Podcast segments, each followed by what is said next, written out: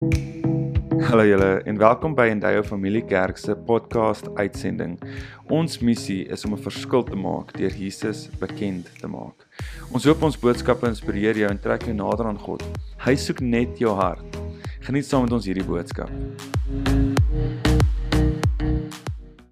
Dankie Vader dat ons aan U al die lof kan gee vanoggend uit ons binneste uit. Ons wil saam met die Here afroep en sê heilig, heilig, heilig is U o Here, onsse God. Word U verheerlik in Jesus naam. Amen. Dit is moeilik om te dink dat die kerk vir 6 maande gesluit was. Ek voel soos Koos van der Merwe van Prophet wat sê my gebeente soek 'n gemeente. En ek is baie bly jy het vanoggend die kerk gevind en ook ons aanlyn kykers. Ehm um, die die goeie nuus is is dat ons daarop uit is om te sê ons wil 'n verskil maak, ons wil Jesus bekend maak uh in Benoni en Ekurhuleni en ek wil ook vanoggend byvoeg tot aan die uithoeke van die aarde. En daarom is dit lekker dat jy gekies het om ook vanoggend saam met ons te wees. Ek praat vanoggend met jou oor die tema dis tyd.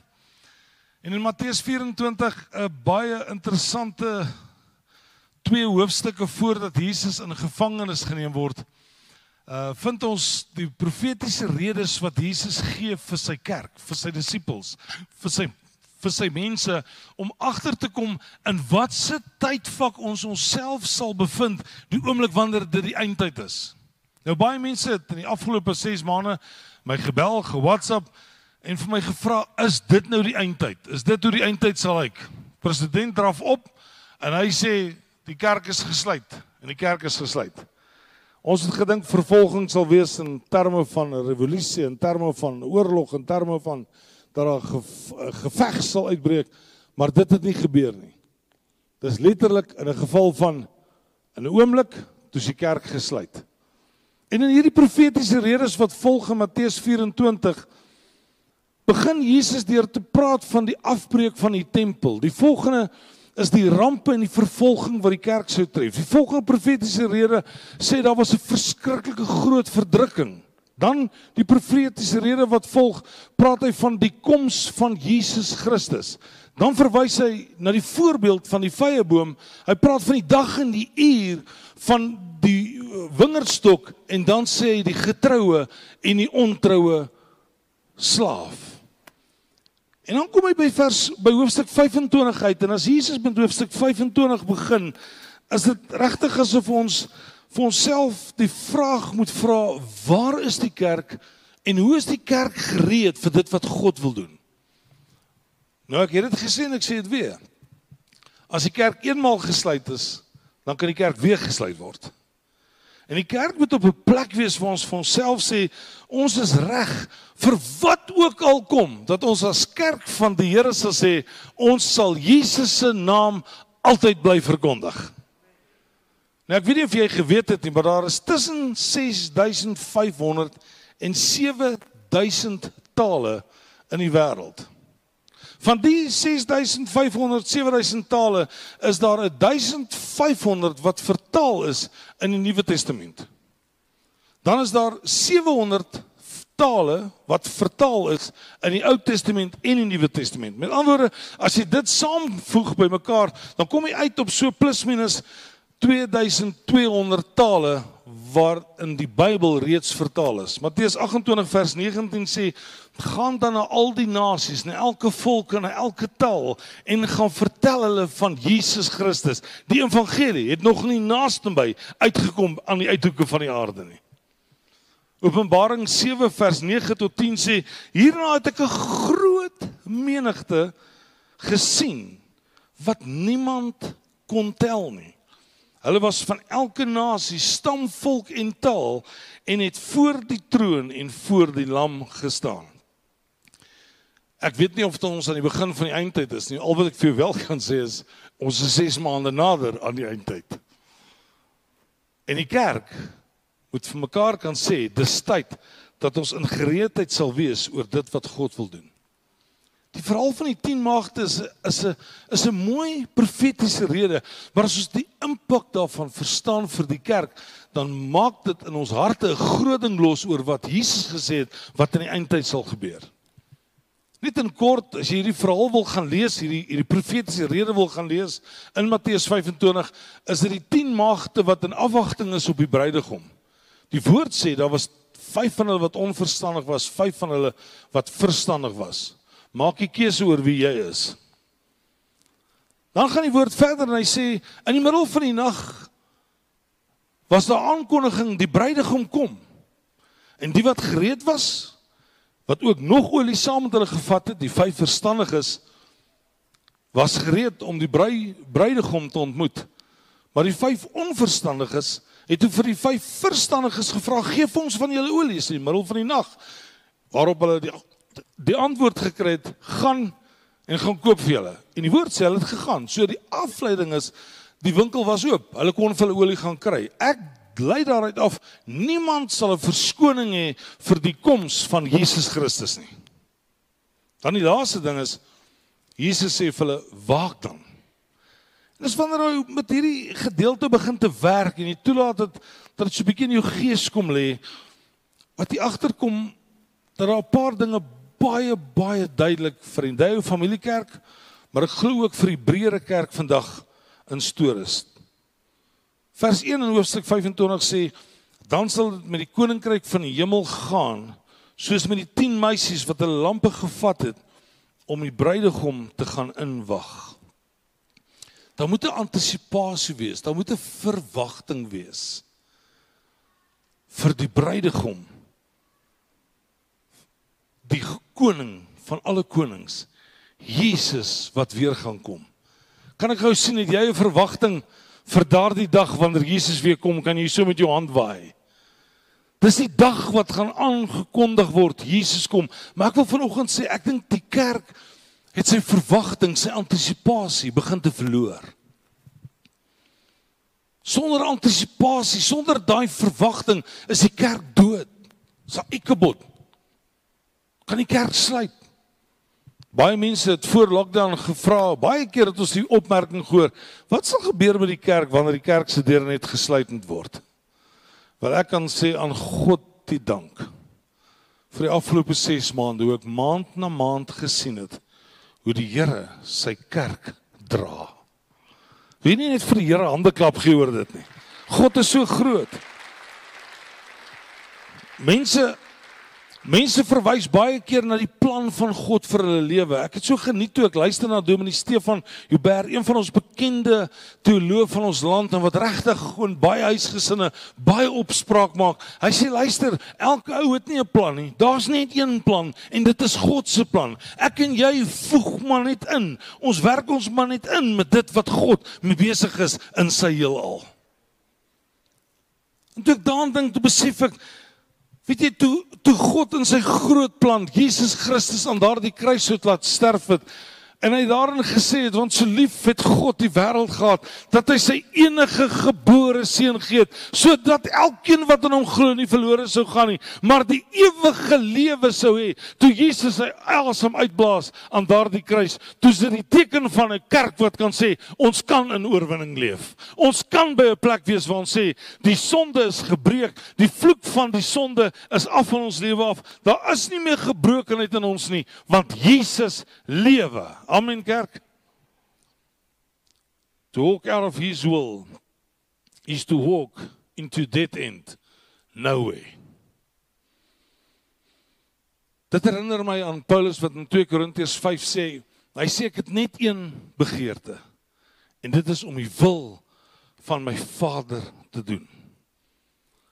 C.S. Lewis het gesê when Christ died, he died for you individually just as much as if you had been the only person in the world.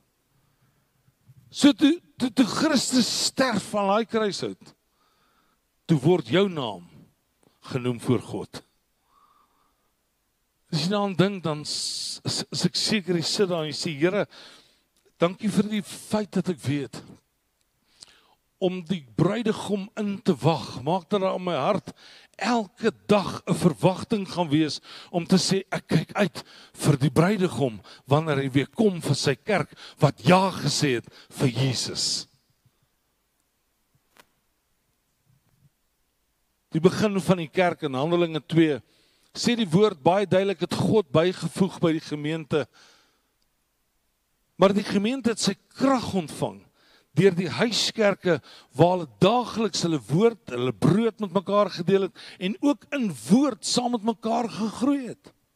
Dit is waar Paulus toe Jesus ontmoet het op die pad van Pat, Patmos. Dit is waar hy by Petrus aan huis gegaan het en Petrus vir 'n onbepaalde tyd inspraak gegee het in Paulus se lewens. En ek bid sodat die kerk sy verwagting sal terugkry dat mense by Jesus moet uitkom.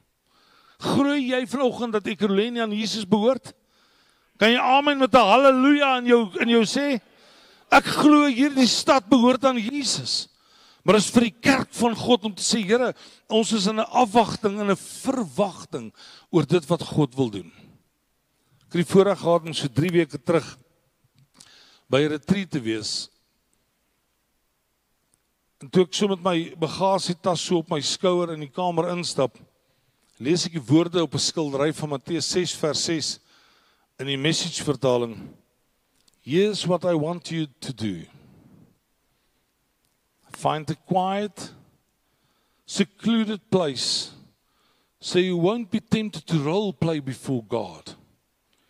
Just be there as simply and as honestly as you can manage.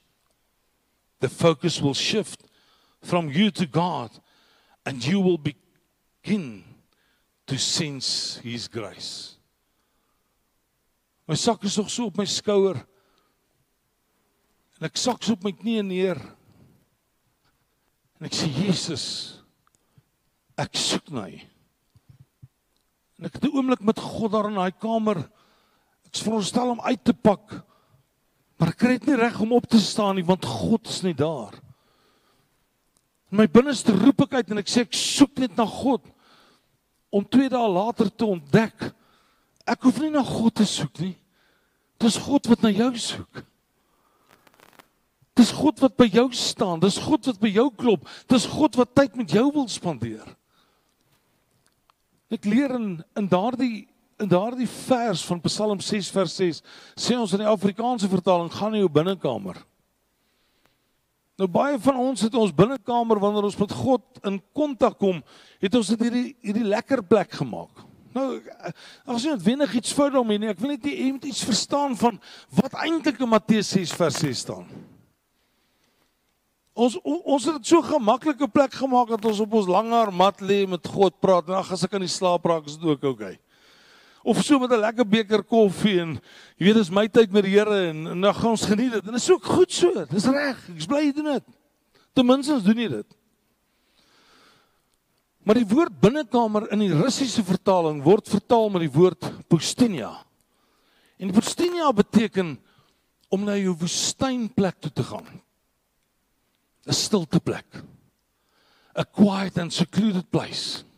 Dit was in die woestynplek waar die profete vir God ontdek het. Dit was in die woestynplek waar God met Moses 'n ontmoeting gehad het. Dit was in die woestyn wat Johannes uitroep en sê: "Maak die pad vir Jesus reguit." Dit was in die woestyn waar Paulus met God ervaring gehad het. Dit was in die woestyn waar Jesus uitroep en sê: "Ek sal my Vader nie verloor nie." Sien woestynplek, daai daai moeilike plek. Daai plek waar jy voel, Here, waar is U? Dis die plek waarheen ek en jy moet gaan as ons praat van 'n verwagting om te sê Here help ons om as kerk reg te wees om te kan ontvang dit wat God wil doen in sy kerk. Here dankie dat U lief is vir ons. Here dankie dat U ons fondasie is, ons rots. Ons is niks sonder U nie. Niks.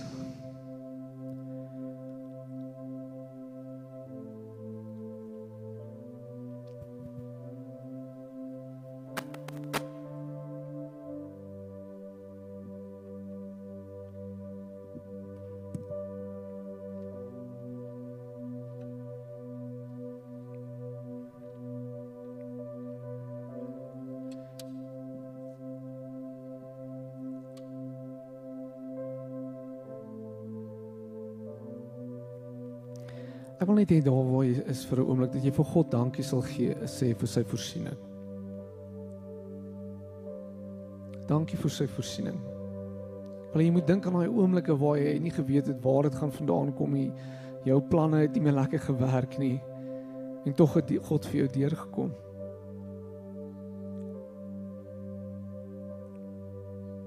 Tog het God vir jou deurgekom. Want nie daar waar jy is, dat jy vir 'n oomblik net vir hom dankie sal sê. Lig jou hande op na hom toe sê Vader, ek sê dankie. Ek sê dankie, ek sê dankie, ek sê dankie. Ek sê dankie.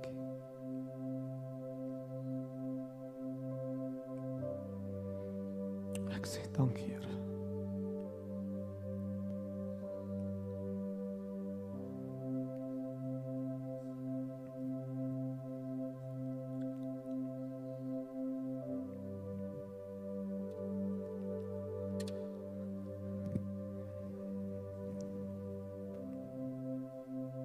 Ons um, ons finansies behoort aan God. Amen. Alles wat ons het behoort aan hom. Ons is eintlik die die Bybel probeer ja, the stewards. Ons kyk net na dit wat hy vir ons gegee het. Die woord sê baie duidelik, those as jy baie ontvang het, sal jy account moet gee vir baie. En uh in die lockdown periode praat die Here met my eie hart oor wat hy wil hê ek moet doen met my finansies. En ek is soos 'n regte kind wat net wil vashou en alles. Sê Here, uh, het U my bankrekening gesien? Weet U wat aangaan? Ek dog ek bring dit net, ek wil net vir U wys. Um jy weet in, in case u nie weet nie, maar natuurlik weet die Here alles. en uh maar dit is iets in my hart wat ek weer die Here met my oor praat en ek daai selfde dag besluit ek gaan gehoorsaam wees en ek doen wat God vir my gesê het. Nie eers 'n uur na ek dit gedoen het nie, word ek geseën. God weet wat ons nodig het. Hy's 'n Vader wat weet. Hy ken die innerlike behoeftes van ons harte. Hy weet hoe ons werk. En ons het nodig om op hom te vertrou. Paulus praat daarvan dis iets wat ons in ons eie harte moet uitmaak. Dis iets tussen jou en God. Want net God weet. En dan moet ons dit bring na God toe as 'n offer. Ons gaan nie vandag die kollekte mandjies deurstuur nie. Ons gaan nie. As jy graag wou kollekte gee, daar's twee boksies daar agter en daar's 'n boks in die voorportaal.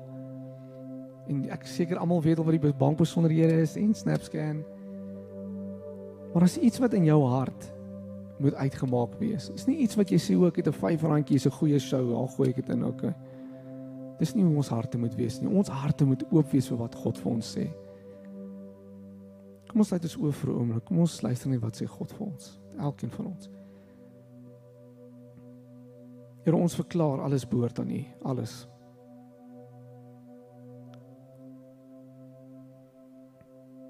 En ons wil net gehoorsaam wees aan wat U vir ons sê. U is die meester.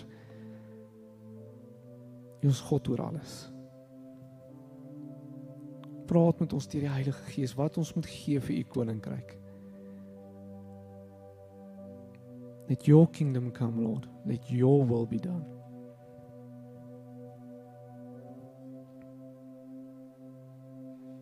Ons sê amen.